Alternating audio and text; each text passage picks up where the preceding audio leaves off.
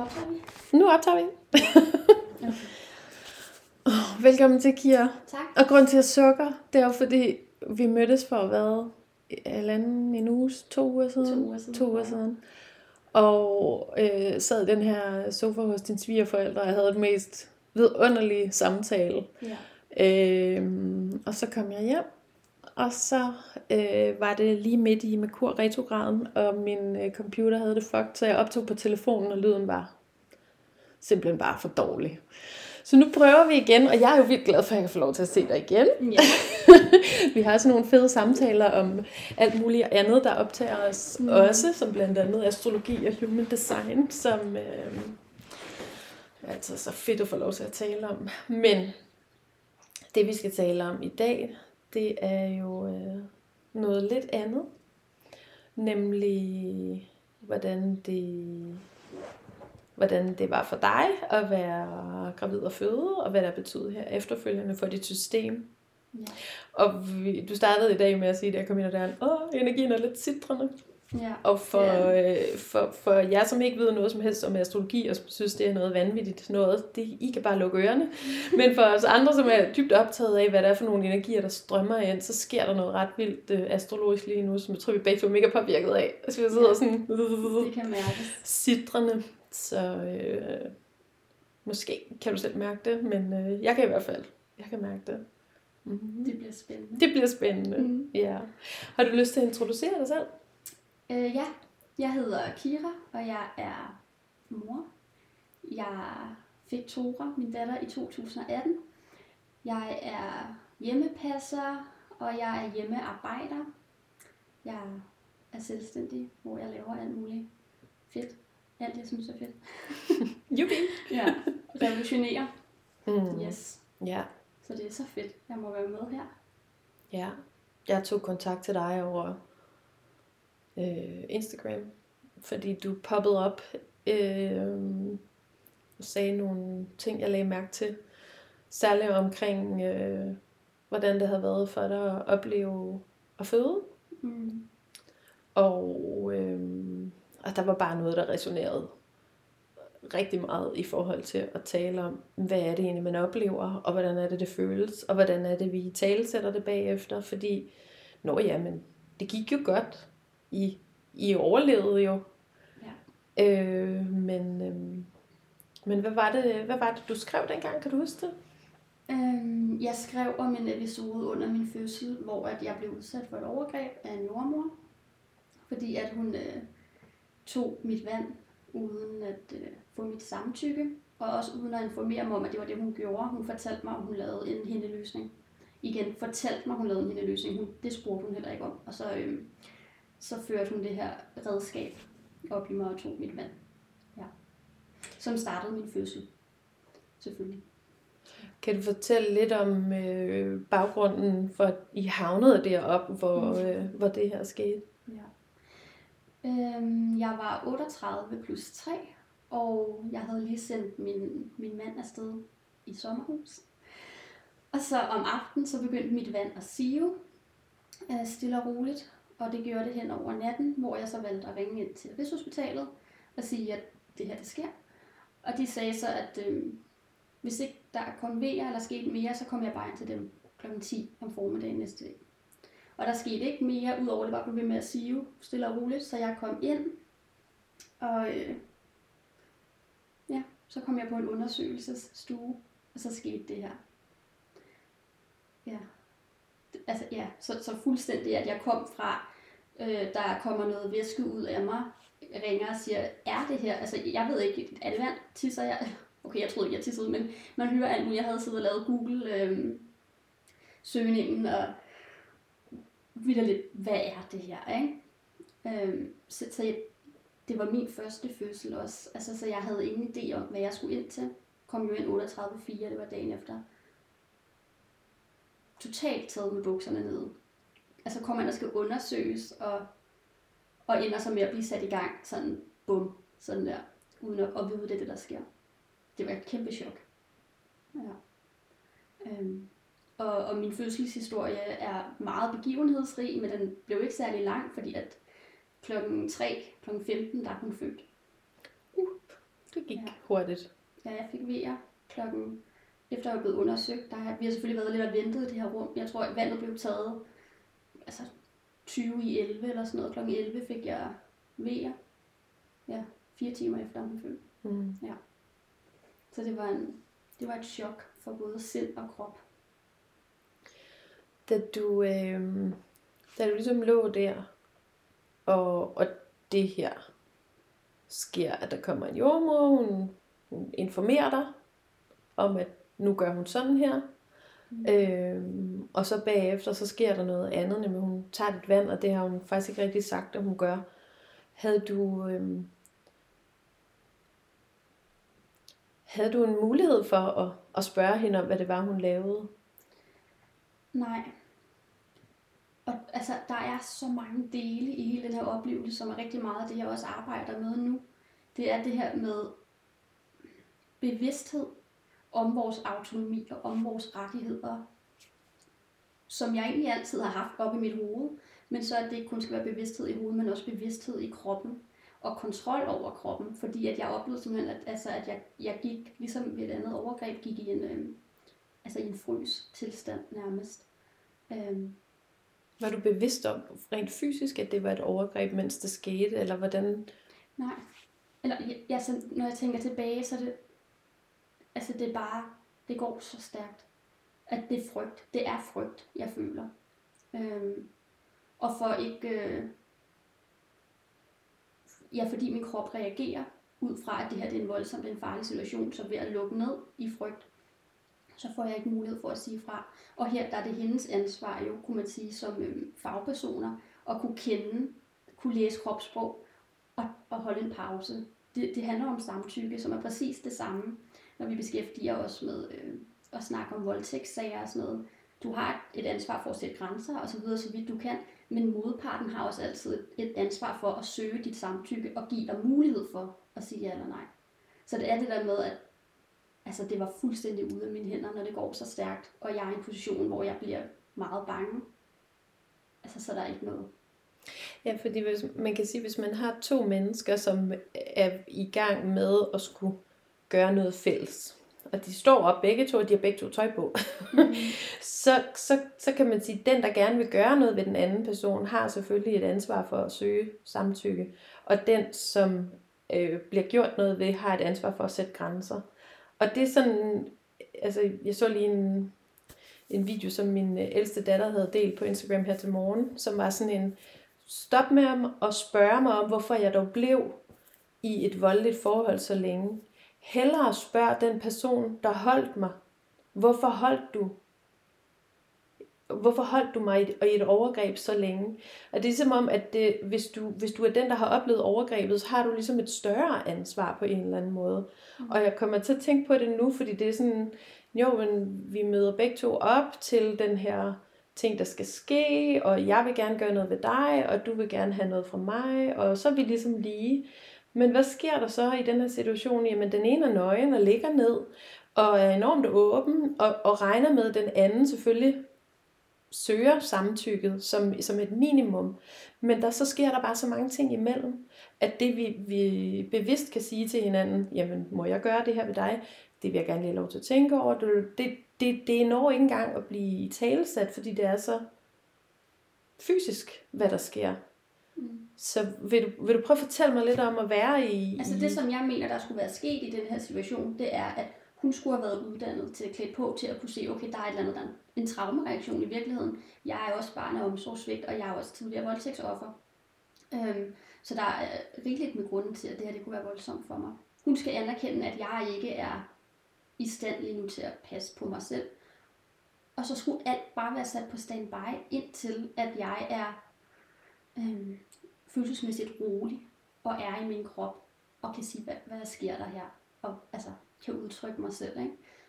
Men jeg oplever ikke bare, at hun ikke var bevidst om eller så det her, men at hun decideret udnyttede det til at få det overstået, eller det der med, at, at min handlingslammelse til at, at få det gjort. Fordi hun sagde til mig, for jeg, jeg, jeg, kan ikke, jeg ved ikke, hvad jeg sagde eller hvad jeg gjorde, men jeg kan huske, at jeg ligesom var sådan lidt, øh, jeg ligger her, hun står ved den her øh, undersøgelsesbriksting, sender min mand over bag i for at hente redskabet i skabet. Og han kommer med den i hånden og sådan, er det det her? Og så læner jeg mig ligesom op og sådan lidt, altså jeg, det, jeg får et chok, fordi jeg bliver, jeg bliver fucking bange, rent udsagt. Jeg føler, at de kommer med en kniv, de skal til at stikke op i mig. Øh, den virker vildt uhyggelig for mig lige der. Og så trykker hun mig ligesom ned og siger sådan noget, så så, nu gør vi lige, og altså sådan, og jeg er bare sådan helt, oplever ikke, at jeg har et valg overhovedet. Det er som at være sådan, altså slagtegris, og den ene er min mand, der er med til at begå det her overgreb i virkeligheden. Ikke? Det er en, vildt traumatisk oplevelse, faktisk. I virkeligheden. Ja. Tror du, hun er klar over, hvad det er, der foregår? Jeg tror, hun er og ikke er på samme tid. For som jeg sagde, jeg oplever, at hun udnyttede min, min handlingslammelse til at få gjort det, hun havde lyst til at gøre, for at få mig hurtigt i fødsel, hurtigt gennem systemet, hurtigt ud på den anden side. Fordi det er det, som det, det system er bygget på nu.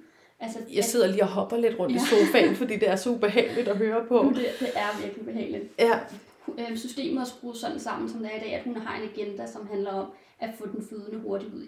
ud. Og det er jo ikke kun hende, det er jo hele systemet, der er totalt giftigt. Ikke? Øhm, så på den ene side, der ved hun godt, at hun gør det her.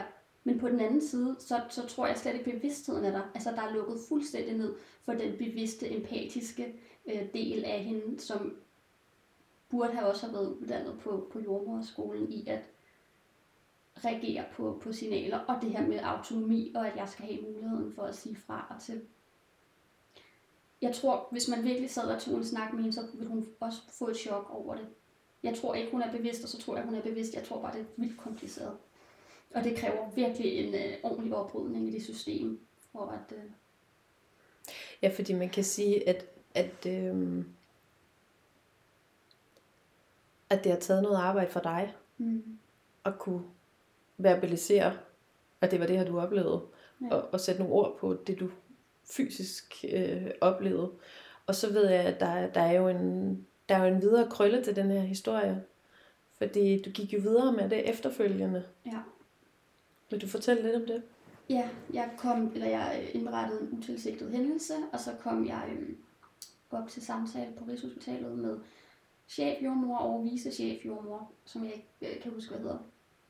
Som vi ligesom kommer ind til, og vi er både mig og min mand og min, altså to måneder ish, gamle datter. Og det er sådan lidt en kaos samtale, fordi hun græder også hele tiden, og øh, i dag er jeg overbevist om, at hun faktisk har været traumatiseret. Hun havde kolik i et halvt år eller sådan noget. Men at det har også været en dybt traumatiserende fødsel for hende at blive væltet ud på den måde på fire timer, uden hun var klar. Øhm, men, men den her samtale er... er øh, altså, jeg, jeg blev chokket. Jeg, jeg var så... Jeg glædede mig så meget. Jeg havde, jeg havde gået været, været i sådan en tilstand, hvor jeg ikke helt kunne sætte ord på, hvad det var, der skete i mig, og øhm, havde faktisk fortalt min fødselshistorie som mange, til mange, som at Jamen, der skete det her, det var ikke så godt, men det var en god fødsel. Fordi jeg, jeg tror bare, jeg var totalt i chok. Og ville jo ikke være hende, der kom med skræmmekampagne. Altså, det, jeg var helt over i sådan pleaser-mode også i forhold til min fødsel. Øh, men havde så endelig sådan kommet til, der skete noget, der ikke var godt nok, og nu skal jeg ud og have retfærdighed. Jeg glædede mig til den her samtale. Jeg glædede mig til at få, få deres chokkede ansigter at se, der ligesom ville bekræfte mig i sådan, wow, skete det her, ej, det er alvorligt, nu skal, det skal vi slå hårdt ned på, og hun skal altså jeg forventede næsten, at hun ville blive fyret. Øhm, og så møder jeg bare virkelig sådan en, øh, en energi, som bare er sådan hverdag. Altså jeg kan mærke, at det bare ikke er ekstraordinært. Det er ikke så ekstraordinært, som jeg tror, det er. Det, og, og hele samtalen handlede om at lukke mig ned. Sådan noget, ja, sådan, sådan lidt den der, jeg ser dig. Jeg kan godt se, at du føler det her, men sådan og sådan. Og, og altså sådan et, sådan en kunstig spejling af mig, at jeg skulle på en eller anden måde føle mig set, men også få at vide, at det jeg føler er bare noget, jeg føler, og jeg havde faktisk en god fødsel på papiret. Altså det var, øh, de, de kaldte øh, noget kommunikation, der selvfølgelig var gået skævt. Og det synes jeg er så absurd. Altså det er totalt grotesk at tænke på. Tror du, de forstod, hvad det var, du prøvede at sige? Det ved jeg virkelig ikke. Altså, jeg, jeg kan... Der er så meget af den her samtale, jeg, jeg vidderligt bare ikke kan huske, for jeg tror igen, jeg har gået i sådan en... Altså, det har været retraumatiserende på en måde. Jeg har gået i sådan en chok, lige så snart jeg opdagede, at det gik op for mig, de ikke var på min side. så ja, så blev jeg bare chokket, og jeg blev også i tvivl. Jeg blev jo gaslightet. Øh, de, de og gaslighting, det kan være, du lige vil beskrive, ja, hvad det betyder. Ja, og gaslighting, det er, at, øh, at øh, den ene part, øh, den magtfulde part, prøver på at få øh, den anden til at tvivle på det, de oplever deres realitetssans. Det, det du så, følte, oplevede, det var nok ikke, som du oplevede det. Det er bare dig, der er sensitiv eller hysterisk, eller ikke ved, at sådan her er det. Øhm, og det virkede jo til dels, fordi jeg gik derfra og, og var i tvivl, og så igen skulle bruge nogle måneder, et år faktisk, tror jeg, på at snakke med jordmødre i det private, og snakke med fødselshjælpere, og snakke med andre fødselsnørder og sådan noget, for ligesom at, blive, at få den her oplevelse af at blive bekræftet øhm, i, at det, det var rigtigt. Og jeg synes virkelig på alle måder, at det her sammenlignet med voldtægter. Jeg har arbejdet aktivistisk med voldtægt og voldtægtsoffre, også i lang tid. Hørt rigtig mange voldtægtshistorier, siddet med rigtig mange mennesker og sagt, det er en voldtægt, du kan godt kalde det her voldtægt, for der er ikke nogen, der føler sig voldtaget selv. Altså, så kalder man det noget andet, det var nok også mig, bla bla bla.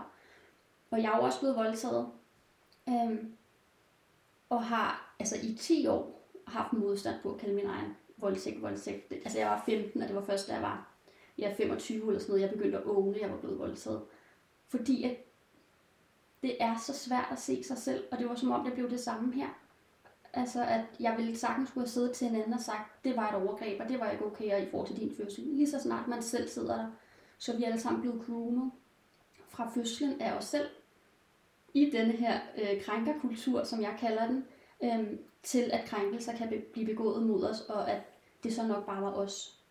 Og det er det her det gamle børnesyn og sådan noget med, at det er også noget pjat, og det er bare noget, du bilder dig ind, og det er spil for galleriet. Altså, vi bliver virkelig fra, ja, fra barndommen alle sammen groomet til at acceptere overgreb mod os, fordi at vi vil ikke være hysteriske. Det er nok bare os, den er galt med. Og lige meget hvor bevidst man bliver, og kan gå ud og undervise i det her, lave workshops, og, altså sådan som jeg jo også gør, øhm, nu, ikke så meget på det tidspunkt, men, men havde bevidstheden på det tidspunkt, lige så meget som du kan gøre det, der sidder det bare så dybt i din krop, og når du så endelig er i et, i et øjeblik, hvor det gælder, så kan de, øh, så blusser det hele op igen. Er det bare mig, der er hysterisk? Var det ikke så slemt, som jeg oplevede det? Nu siger alle de her fagpersoner, autoriteter jo til mig, altså ikke bare en eller anden jordmor til en fødselscafé, men chefjordmor på Rigshospitalet, hun siger, at det ikke var sådan her, som jeg oplevede det. Er det mig, der er blevet fuldstændig vanvittig? Altså det er jo det her, man oplever.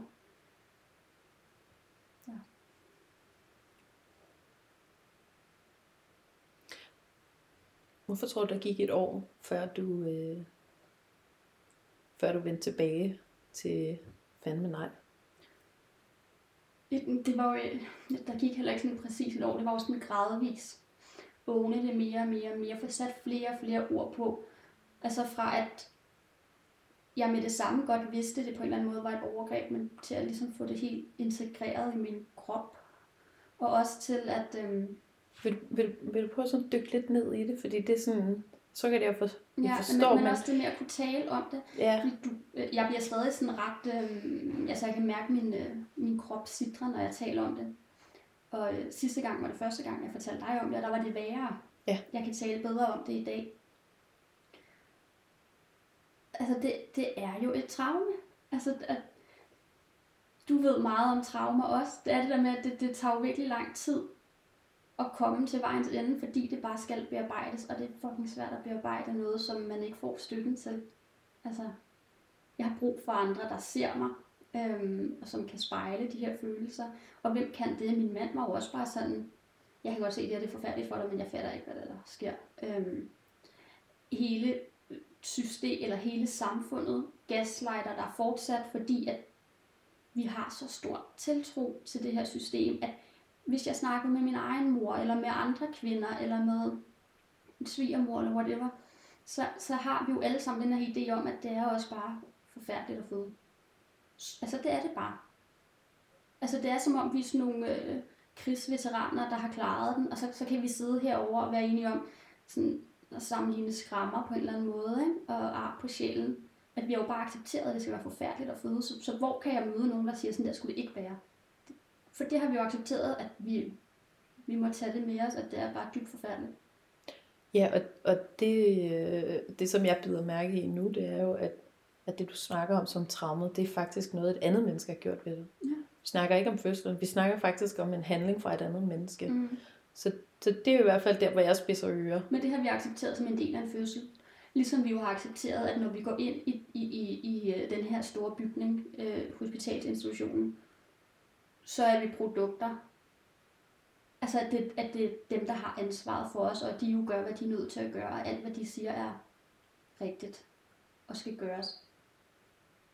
Og det vidste jeg godt ikke var rigtigt, men alligevel, da jeg stod i det, så kunne jeg ikke sætte mig imod det her menneske, som bare var et menneske, men som pludselig bare var så meget mere end et menneske, fordi hun var hele fødselsinstitutionen. Ikke? Altså, hun var den her kæmpe autoritet alligevel. Det er det der med, det, det jeg skulle sige, det er nemt nok. Det er ikke nemt nok, men det er en ting at snakke om en masse ting, men at stå i det, så har vi altså bare en kæmpe bagage med fra at være vokset op i den her kultur, som, som har dikteret det på den her måde, og at vi er eller at vi ikke har autonomi i visse situationer. Altså der er jo lidt rigtig mange mennesker, der, der ikke ved, at du har ret til at sige nej til, hvad jordmoren siger. Som tror, at du, at jamen, når du når øh, 41, 5, 6 dage, så skal du sættes i gang, fordi sådan er reglerne. Altså det, det er jo helt absurd at tænke på, at der skulle være undtagelser for vores autonomi, fordi vi er gravide. Det er helt absurd. Men det er det, alle, næsten alle tror. Jeg tror ikke, at jeg kender mange øh, uden for den her verden, som, som ved det. Som ved, at de kan takke nej til absolut alting. Ja. Hvorfor tror du, det, hvorfor tror du, det er sådan? Jamen, det var øh, lidt det her, jeg snakkede om før, også med, at, øh, at vi voksede op med en lektion i livet om, at det er sådan at, øh, at der er grænser for vores autonomi. Og det er jo derfor, jeg har lavet samtykkebaseret forældreskab. Øhm, ja, hvad går det ud på? Det er sådan en pakke, jeg har lavet, og det er slet ikke færdigt. Eller den her er færdig, men det er noget, jeg kunne lave en to og en tre og, og alt muligt. Fordi jeg synes bare, der er så mange lag til det her.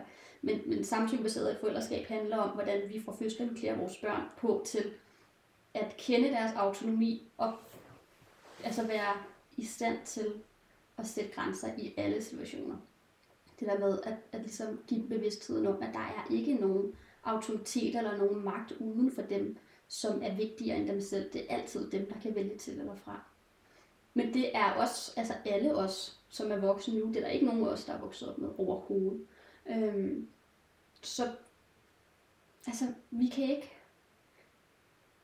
vi, vi misser fuldstændig, altså bare som, øhm, som, som art, eller man kan sige helt også menneskefolket, og lave forbindelsen mellem barndommen og voksenlivet. Vi holder fast i, at som voksen, så må man også bare, man må det bare kunne sige fra, og man må det bare kunne, øh, hvis det er en eller anden øh, en hånd på ens lov, så må man stikke ham en flad, og man må gøre dit og dat og så videre. Og her i fødsler, når hvis du ikke vil have det, hvorfor sagde du så ikke noget? Hvorfor gjorde du så ikke noget?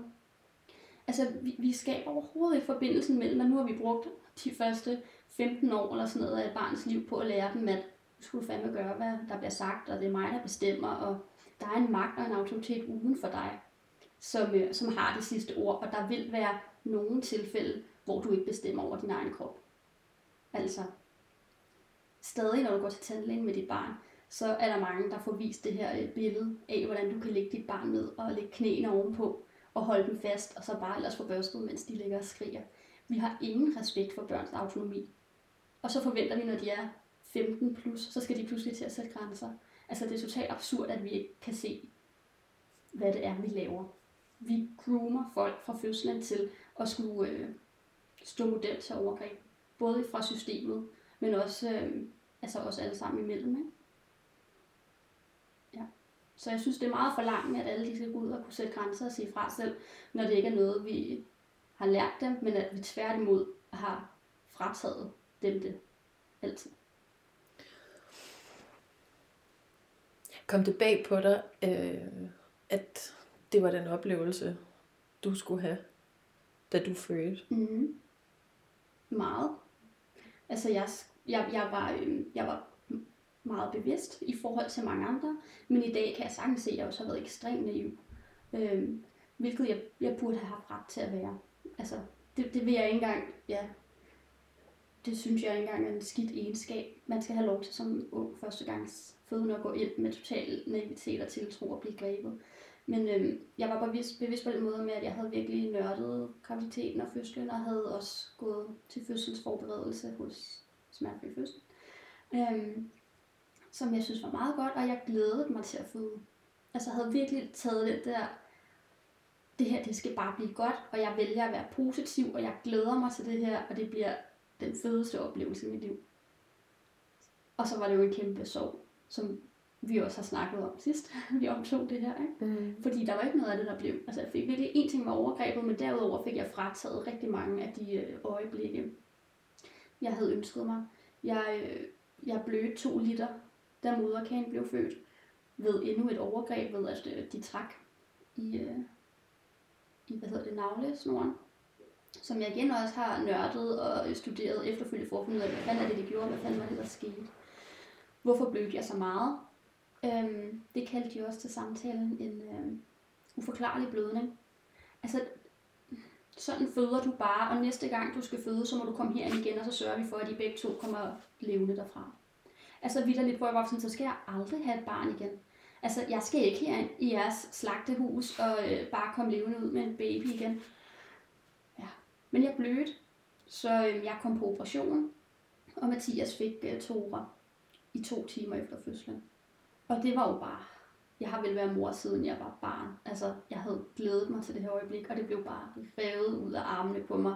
Og jeg gik i det første år, tror jeg, græd af hver gang jeg tænkte på det, fordi jeg var så fyldt med skyld over, at jeg ikke havde givet Tora den perfekte start på livet.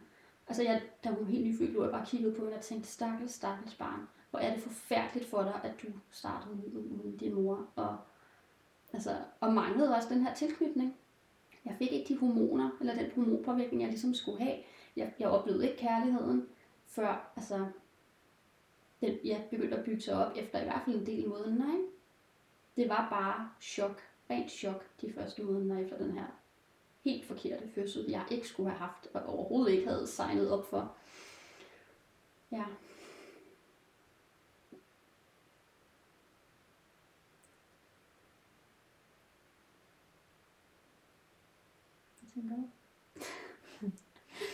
Jeg, jeg mærker mig ind i, hvordan det er at, at være der, og at være Tore, der som sin far har det mega nice, og de to, der har bondet, mens du har været igennem noget, der var helt forkert for mm-hmm. dig. Og så, øh, så tænker jeg på øh,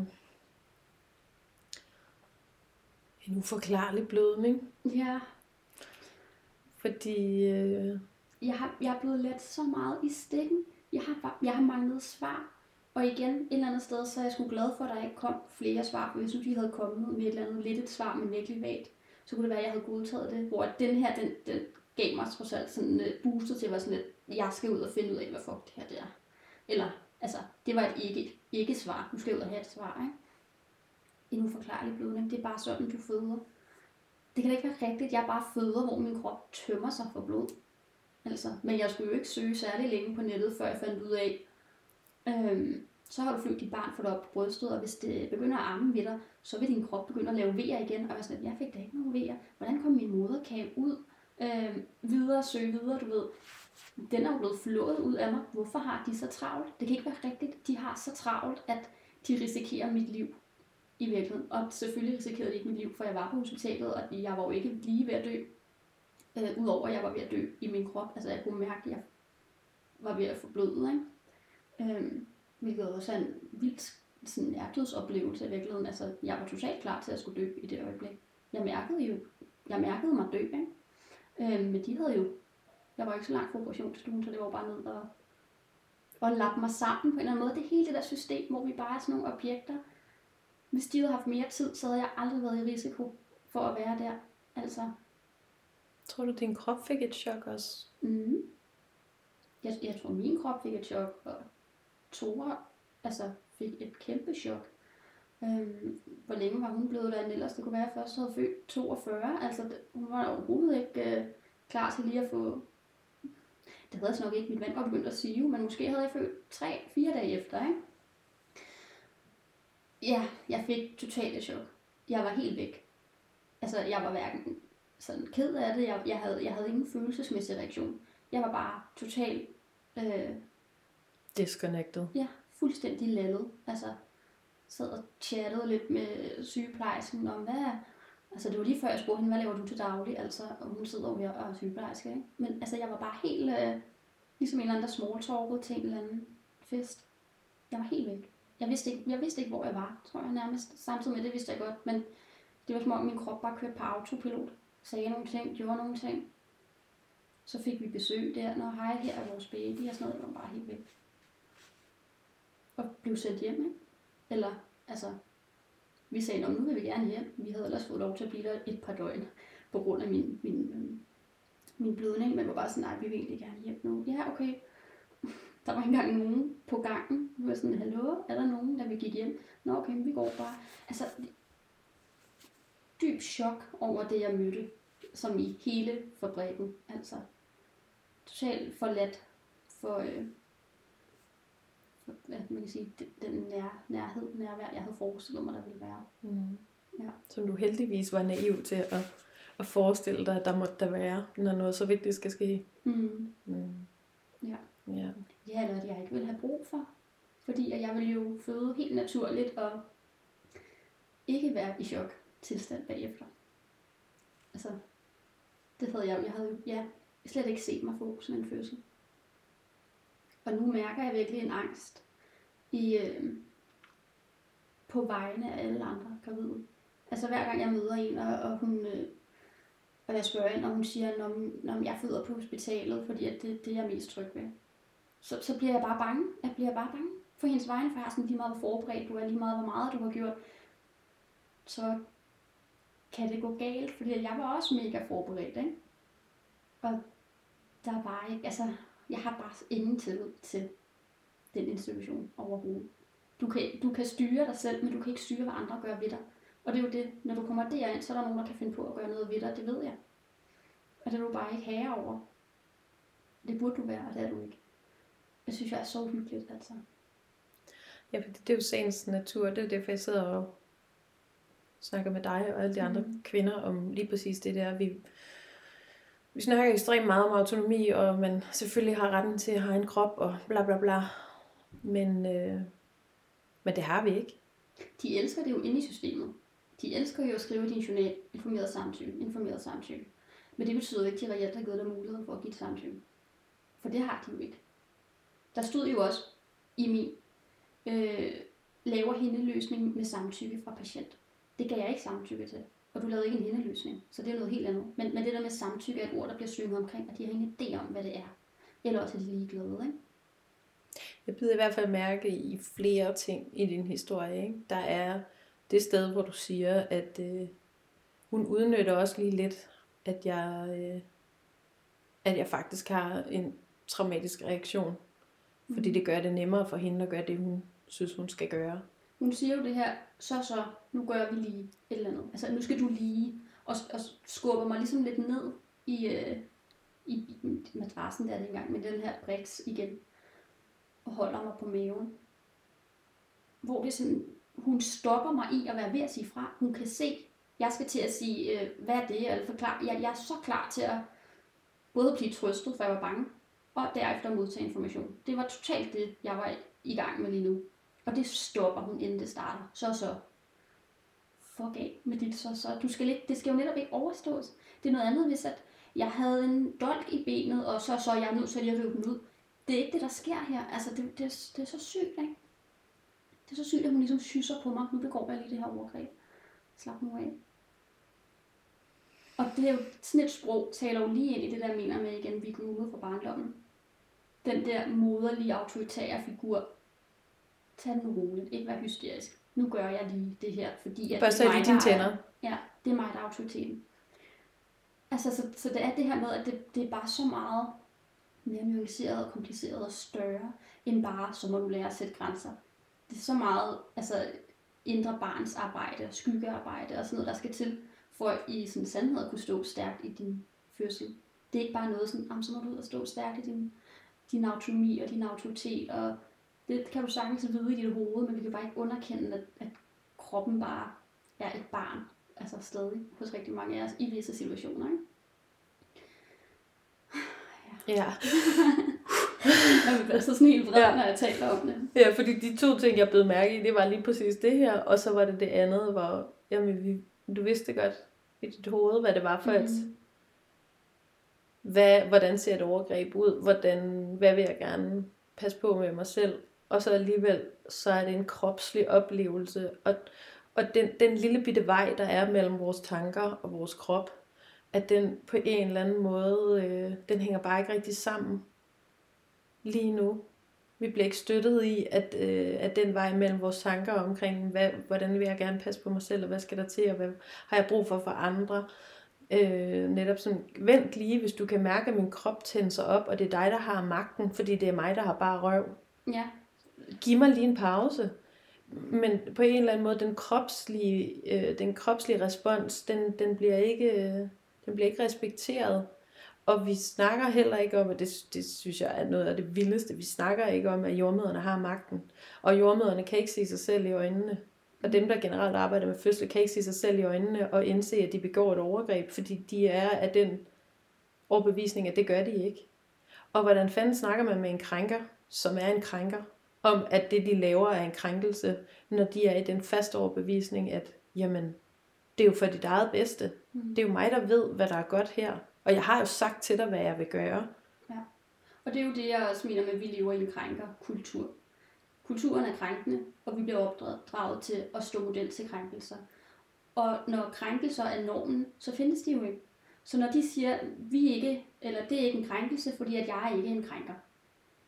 Jamen nej, det er det jo heller ikke i den her kultur, hvor vi har accepteret, at krænkelser ikke findes, og at, at øh, definitionsretten ligger hos, om personen føler sig som en krænker. Vi skal jo have... Og det er så vildt, altså. Når hele det her, det skal ligesom vendes rundt, så hvis vi endelig kan acceptere, at definitionsretten ligger hos den, der oplever noget gjort mod sin krop. Prøv at overveje, hvis vi bare fra i dag besluttede, at hver gang nogen oplever noget af en krænkelse, så var det en krænkelse. Så det ville være fantastisk, men vi ville også være nødt til at anerkende, okay, så er vi også alle sammen krænkere. Vi har alle sammen krænket nogen. Præcis. Og det er der jo ikke nogen, der har lyst til, fordi at det, det er det her forfærdelige... Øh... Ej, jeg har en historie. Jeg faktisk... Må jeg lige fortælle den? Vildt gerne. Ja, den er, den er også rigtig god. Det er en, øh, en oplevelse, jeg havde engang. Jeg var 19 og var, øh, havde været i byen, og øh, bla bla, der skete alt muligt. Jeg var ude på landet og sådan noget. Rigtig fuld. Nogen kørte væk. Spritkørsel i en bil. Og, øh, og jeg skulle i hvert fald ikke med, og så stod jeg bare der tilbage. Og så var sådan en fyr, vi havde festet med, sådan, "Nå, så må du komme hjem til mig og sove, så du kan tage en bus i morgen. Fint. Det gør jeg så. Og øhm, han begynder på alt muligt. Han begynder at, at lægge op til noget, begynder at blive kysse mig, begynder, begynder at pille tøjet af mig. Jeg siger, nej, jeg vil ikke, og stop, jeg har ikke lyst. Og sådan virkelig, virkelig fuld, ikke? Og han begynder at trække min strømmebukser ned, helt ned til knæene. Jeg trækker dem op, siger, jeg vil ikke. Han siger, kom nu, og sådan noget, og trækker dem ned igen. Og jeg er lige ved at give op. Altså, jeg er mega træt, jeg er mega stiv. Jeg har ingen steder til hen. Så jeg er lige ved at tænke, fint, hvis han får lov til at få den udløsning, så kan det da være, at han lader mig være. Men så siger jeg, har du tænkt dig at voldtage mig nu? Og han flyver tilbage i sengen, og bliver sådan helt, nej, ej okay, og ej, det har han ikke. Og øhm, så sover vi i hver vores ende af sengen om morgenen efter, der tager jeg en bus. Han var ikke klar over, at... Han vil ikke være en voldtægtsmand, men han har ikke noget mod at voldtage mig. Han var ved at voldtage mig, men han vil ikke være en voldtægtsmand. Det er det her, der også er med krænkelser. Der er ikke nogen, der vil, der vil være bussemanden, der vil være skurken. Men vi gør alle sammen skurke tingene, så længe vi kan sige, jeg er ikke altså den her, det her onde menneske. Så vi er nødt til at komme det menneskelige ind i alle de her sådan, dæmoner, vi ligesom har lavet, som vi så kan tage afstand fra, for jeg er i hvert fald ikke kvindehader. Jeg er i hvert fald ikke voldtægtsmand. Jeg er i hvert fald ikke racist. Så kan vi alle sammen gå og gøre en masse. Overgrebsjordmor. Ja, jeg er ikke en overgrebsjordmor, jeg er ikke en krænker. Så kan jeg gå og krænke, fordi jeg er ikke en krænker. Vi er nødt til at kalde det, hvad det er. Altså, så det kan også være, at fødende de skal til at sige, er du ved at begå et overgreb på mig nu, eller du er ved at krænke mig nu. Altså sæt det sprog på, som folk ikke vil røre ved og ikke vil have på sig. Fordi det virkede på den her 19-årige dreng, som, hvor mange piger har han voldtaget, det ved jeg ikke. Men han var i hvert fald ikke en voldtægtsmand, vel? Så det ord, det fik ham da til at stoppe. Det synes jeg er så fucking tankevækkende. Mm-hmm. Ja.